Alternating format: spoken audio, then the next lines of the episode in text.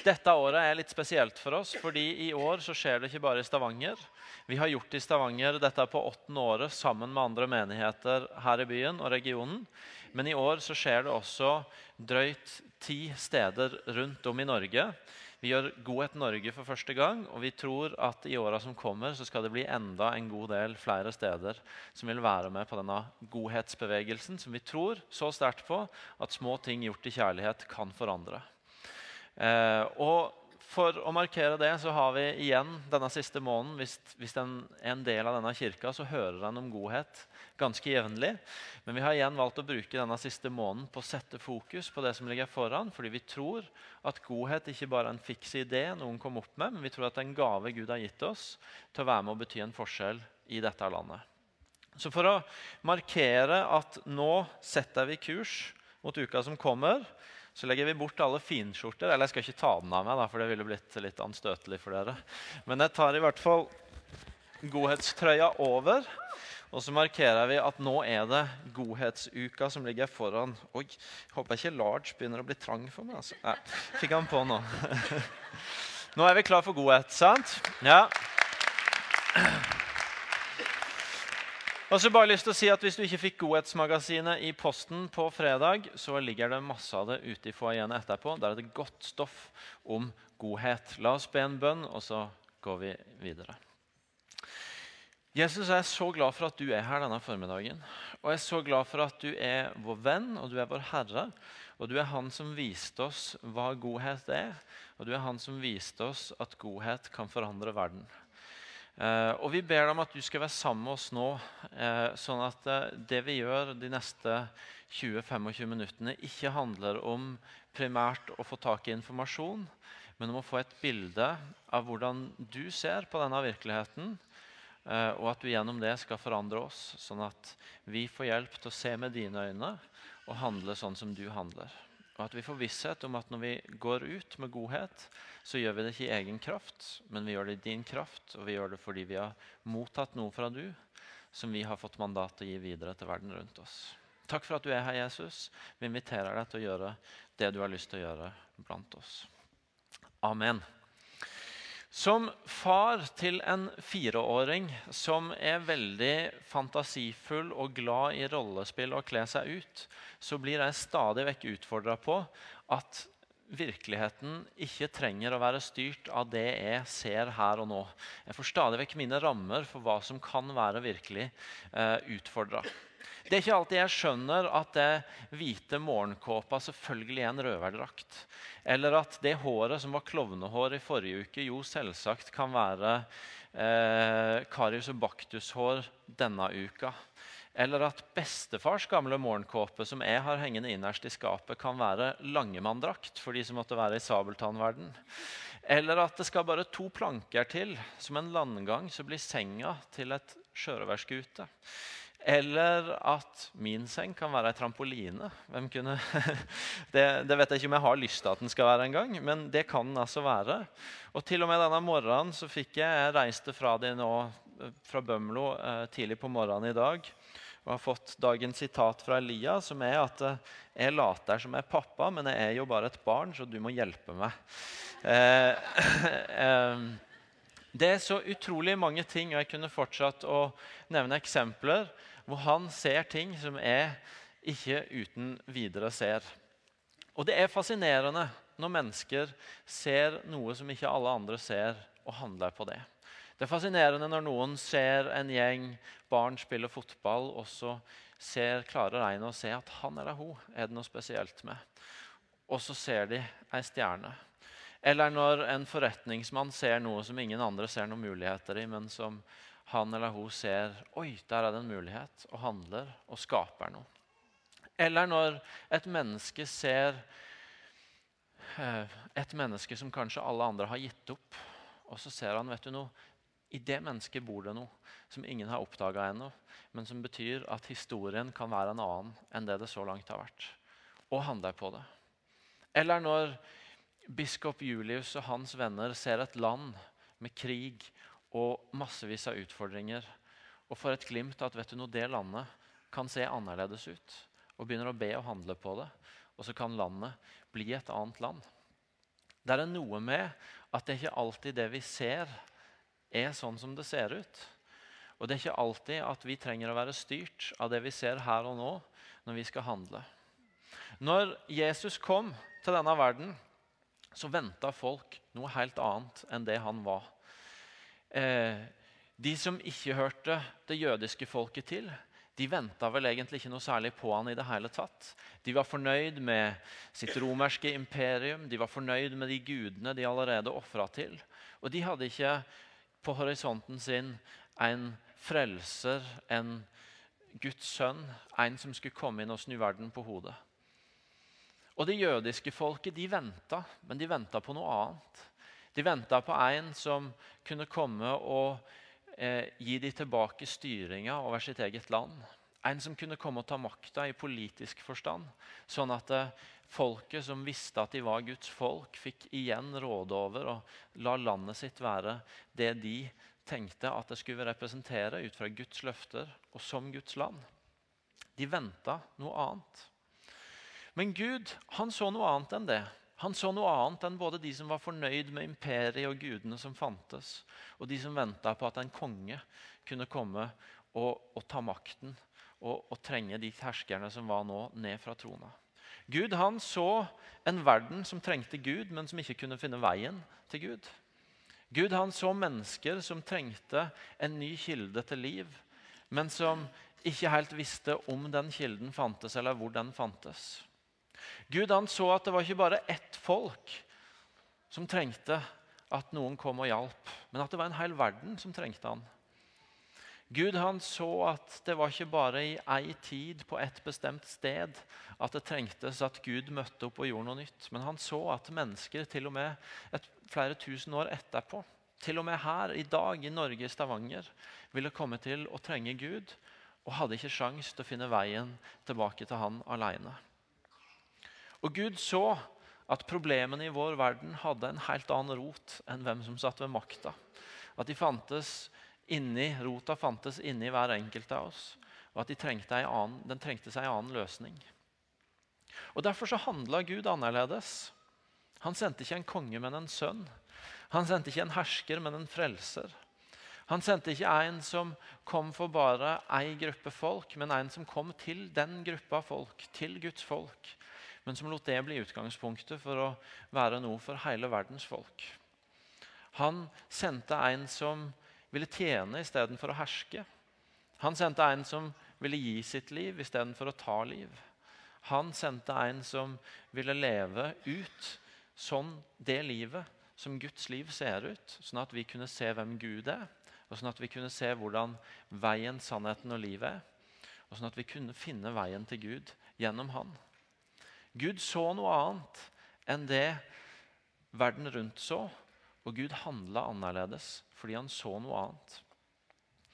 Og I ordspråkene 22,9 så står det Den som har øye for å gjøre godt, blir velsignet. Den som har øye for å gjøre godt, den som ser noe som har med det gode å gjøre, den blir velsigna, for han deler sitt brød med den fattige. Den som har øye for å gjøre godt, blir velsigna, for han deler sitt brød med den fattige. Det er noe med å se. Dette ordtaket sier noe om å se noe, om å ha øye for noe som er godt. Og så er det noe med å handle på det. Og som Guds folk midt i denne verden så er vi utfordra på, når vi skal representere Gud sjøl, å se annerledes og handle annerledes. Vi er utfordra på å se en virkelighet med litt andre øyne enn verden rundt oss. Og vi er utfordra på å se mennesker som kommer i vår vei, med andre øyne enn verden rundt oss. Og ut fra det å handle på en annen måte fordi vi ser annerledes, og fordi vi er gitt noe fra Gud sjøl som gir oss mulighet til å handle annerledes. I 2. Korinterbrev 2 så skriver Paulus ifra vers 12. Da jeg kom til troas med Kristi evangelium, hadde Herren alt åpna en dør for meg. Likevel var jeg urolig fordi jeg ikke fant Titus, min bror. Derfor tok jeg farvel med de og dro videre til Makedonia. Men Gud være takk, som i Kristus alltid fører oss fram i triumftog og gjennom oss sprer duften av kunnskapen om Han overalt. For vi er Kristi vellukt for Gud, blant de som blir frelst, og blant de som går fortapt. En duft av død til død for den som går fortapt, en duft av liv til liv for den som blir frelst. Paulus skriver andre korinterbrev eh, Utgangspunktet er at han skrev første korinterbrev til en menighet han var glad i og hadde et forhold til, som hadde gjort han sorg fordi de hadde tatt en del dårlige valg. Det var en del konflikter. De hadde vendt seg bort fra noe av den undervisninga og det evangeliet han opprinnelig hadde undervist i. Og så hadde det vært litt korrespondanse fram og tilbake. Antagelig hadde det blitt sendt et brev imellom første og andre korinterbrev. Og antagelig har også Paulus vært på et besøk der en gang til, uten at dette her er blitt helt løst. Og andre korinterbrev det er skrevet etter at han har truffet noen som har brakt han rapport om at endelig har korinterne igjen tatt til seg formaningene, og de har begynt å leve annerledes. Og Det Paulus skildrer i den teksten jeg akkurat leste, det er at han beskriver hvordan han prøvde å finne noen som kunne fortelle han hvordan det gikk med dem. Det står om at han kom til Troas med Kristi evangelium, eh, og Gud hadde allerede åpna en dør der foran. Med andre ord, Han kom til et sted, og det åpna seg en dør for evangeliet. Han kunne blitt der og forkynt og sett at mennesker tok imot Jesus. Men han hadde denne uroen for at han måtte finne ut hvordan går det i Korint. Og han fant ikke Titus, min bror, som kunne fortelle han det. Så Derfor står det derfor tok jeg farvel med de og dro videre til Makedonia. Derfor tok jeg farvel med de og dro videre til Makedonia. Men Gud være takk, som i Kristus alltid fører oss fram i triumftog og gjennom oss sprer duften av kunnskapen om Han overalt. For vi er Kristi vellukt for Gud. Det han sier er at egentlig så var planen min en annen. Det var å komme til Troas og forkynne evangeliet der og møte denne vennen som kunne fortelle han om korinterne der. Og så, eh, og så bli der. Men fordi han ikke fant sin venn, så var han nødt til å endre planene og reise videre. Men, sier han, det ser jeg ikke på som et problem. Det ser jeg på som en mulighet. Fordi uansett hvor jeg går, og hvor vi går, så lukter det Gud av oss fordi vi har Guds godhet med oss. Og det betyr at Enten jeg ble i det stedet jeg hadde tenkt å være, eller jeg reiser videre, så er det bra fordi Guds vellukt, duften av Gud, denne her, muligheten til å, til å lukte inn, til å ta inn at Guds godhet er her når vi kommer, den kommer, den følger med oss uansett hvor vi går. Med andre ord, Paulus ser ikke bare her og nå. Han ser ikke bare at her var det en mulighet, og her skulle jeg blitt. Og når han må endre den planen, så, så mista han muligheten. Og så ble det en skuffelse, og så ble det noe som ikke ble som han ønska at det skulle bli. Men Paulus ser at vet du noe, ok, de må endre planene. Men det er ok, fordi uansett hvor vi går, så er Kristi velluft med oss. Uansett hvor vi går, så følger Guds godhet med oss. Det lukter Gud av oss overalt hvor vi går. Og Det enkle som jeg har lyst til å utfordre oss på i dag, før Godhet 2013, det er hvordan ser du denne byen og regionen? Hva ser du når du ser rundt deg av menneskene i denne byen og regionen? Av de du møter til daglig, av de du møter av og til? Ser du bare masse vellykkahet? Ser du bare mennesker som tilsynelatende har det godt? Ser du bare det Dagens Næringsliv omskrev fra en tid tilbake, det var Norges klondyke, hvor det selges flere Porscher enn noe annet sted? Eller ser du at også her er det mennesker som trenger Guds godhet? At også her er det mennesker som har ting på innsida som eh, trenger å møte en Gud som har en kilde til liv? Ser du at alt kan ikke måles i de ytre tinga, men at Uansett så er det et behov for å smake og erfare Guds godhet.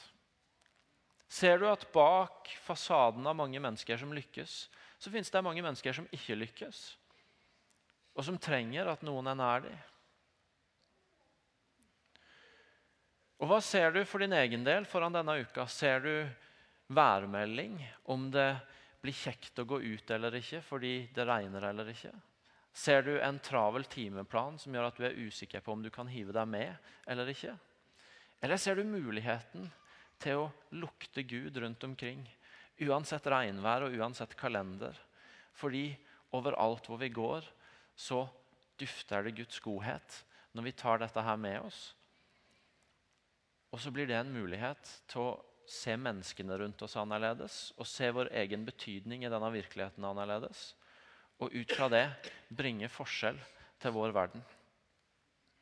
Det er noe dypt knytta sammen med det å se annerledes og det å handle annerledes. Jeg leste i Ordspråkene 22,9 om at den som har øye for det gode, og som handler på det, som deler med den fattige, han er velsigna. Og det å se annerledes, det å se menneskene rundt oss annerledes, det å se denne byen annerledes, det handler ikke nødvendigvis alltid om å ta et steg tilbake og sette seg ned og betrakte og kjenne på det og tenke hm, hva trenger mennesker i denne byen, tro? Men det handler kanskje like ofte om å ta et steg fram og komme nær mennesker i denne byen. Handle og gjennom det oppdage hvem menneskene rundt oss er, hva byen trenger, og hvordan det ser ut når Guds godhet blir tilgjengelig her.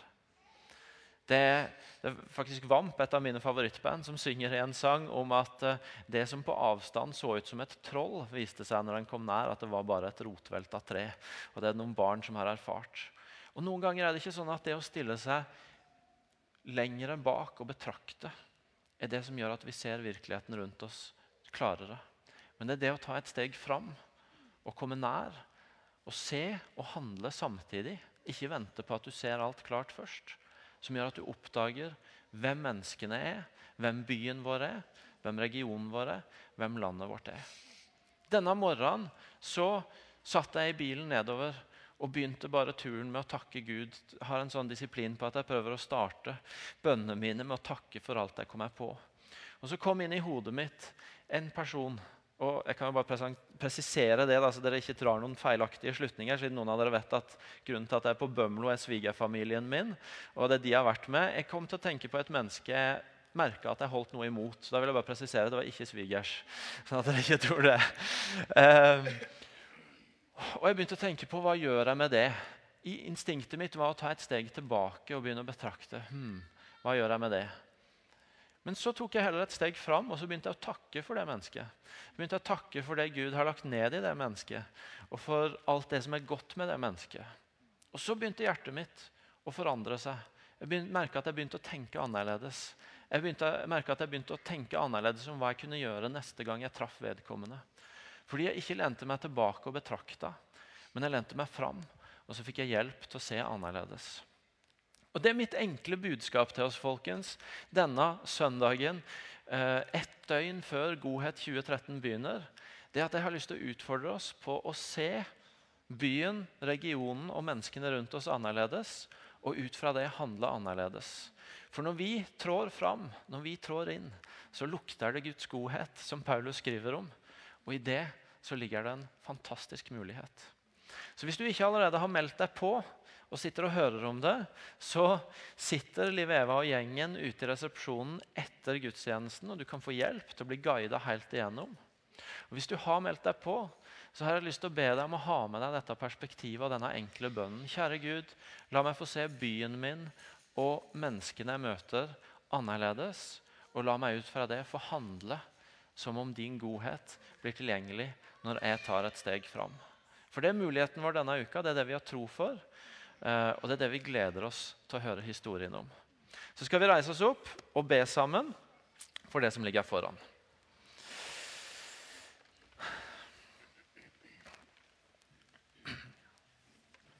Og det første jeg har lyst til å be for fordi Vi snakker om godhet i dag, og vi er veldig sånn smalt fokuserte. Nå er det det det handler om.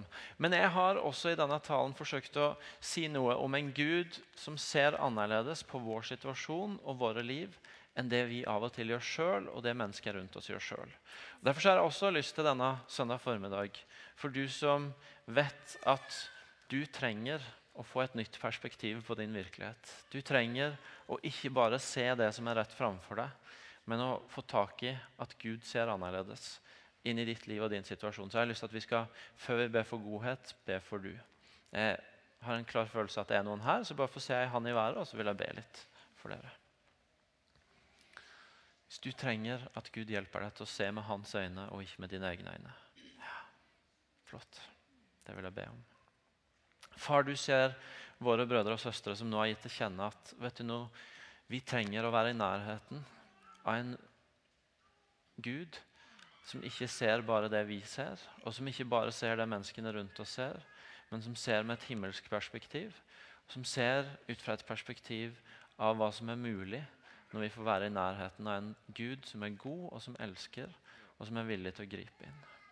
Derfor så ber jeg deg for våre brødre og søstre nå om at eh, du må komme og møte dem, og la dem få et glimt i dette øyeblikket og i løpet av denne dagen av hvordan du ser på deres liv. Hva som du ser er deres mulighet. Hva som du ser er, er noe av det de, de, kan trå inn i i tida som ligger foran. Kom og møt dem, far, med din godhet og med ditt perspektiv på virkeligheten.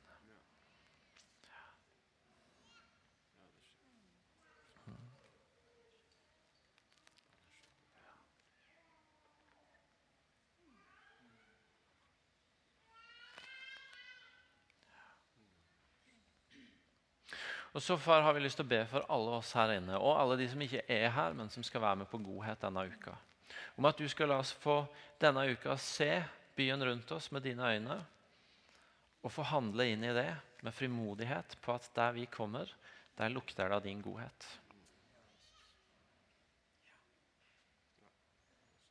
La oss få gå med en frimodighet på at du ser denne byen med radikalt annerledes øyne.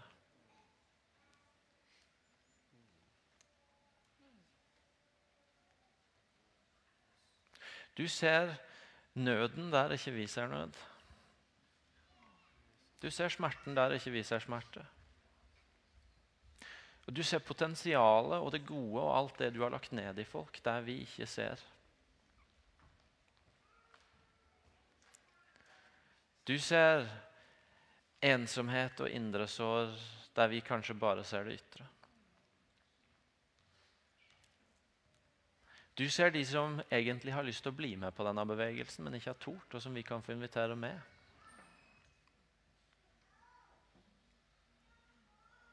Du ser det vi tenker smått om, som du tenker stort om, av små ting gjort i kjærlighet. La oss få gå med stor frimodighet i at du har sendt oss, og du vil være med oss, og du vil overraske oss enda en gang denne uka men hva det betyr å få møte noe som er godt.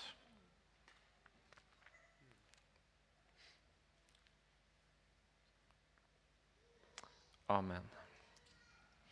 Helt til slutt, På videoen fra en av de første godhetsfestivalene så møter vi en mann som har fått malt huset sitt. Og Det blir spurt hva han opplevde at dette betydde. Og han sier det var jo et eventyr. Jeg visste ikke at det fantes sånne folk engang. Det noen mennesker godhet hadde gjort, det var bare å male et hus. For han så var det et eventyr. Virkeligheten ser ikke alltid bare sånn ut som vi ser rett foran oss. Men for mennesker så kan det bety så utrolig mye mer. Så lykke til. Jeg gleder meg til å høre historiene deres. Eh, lykke til med godhet.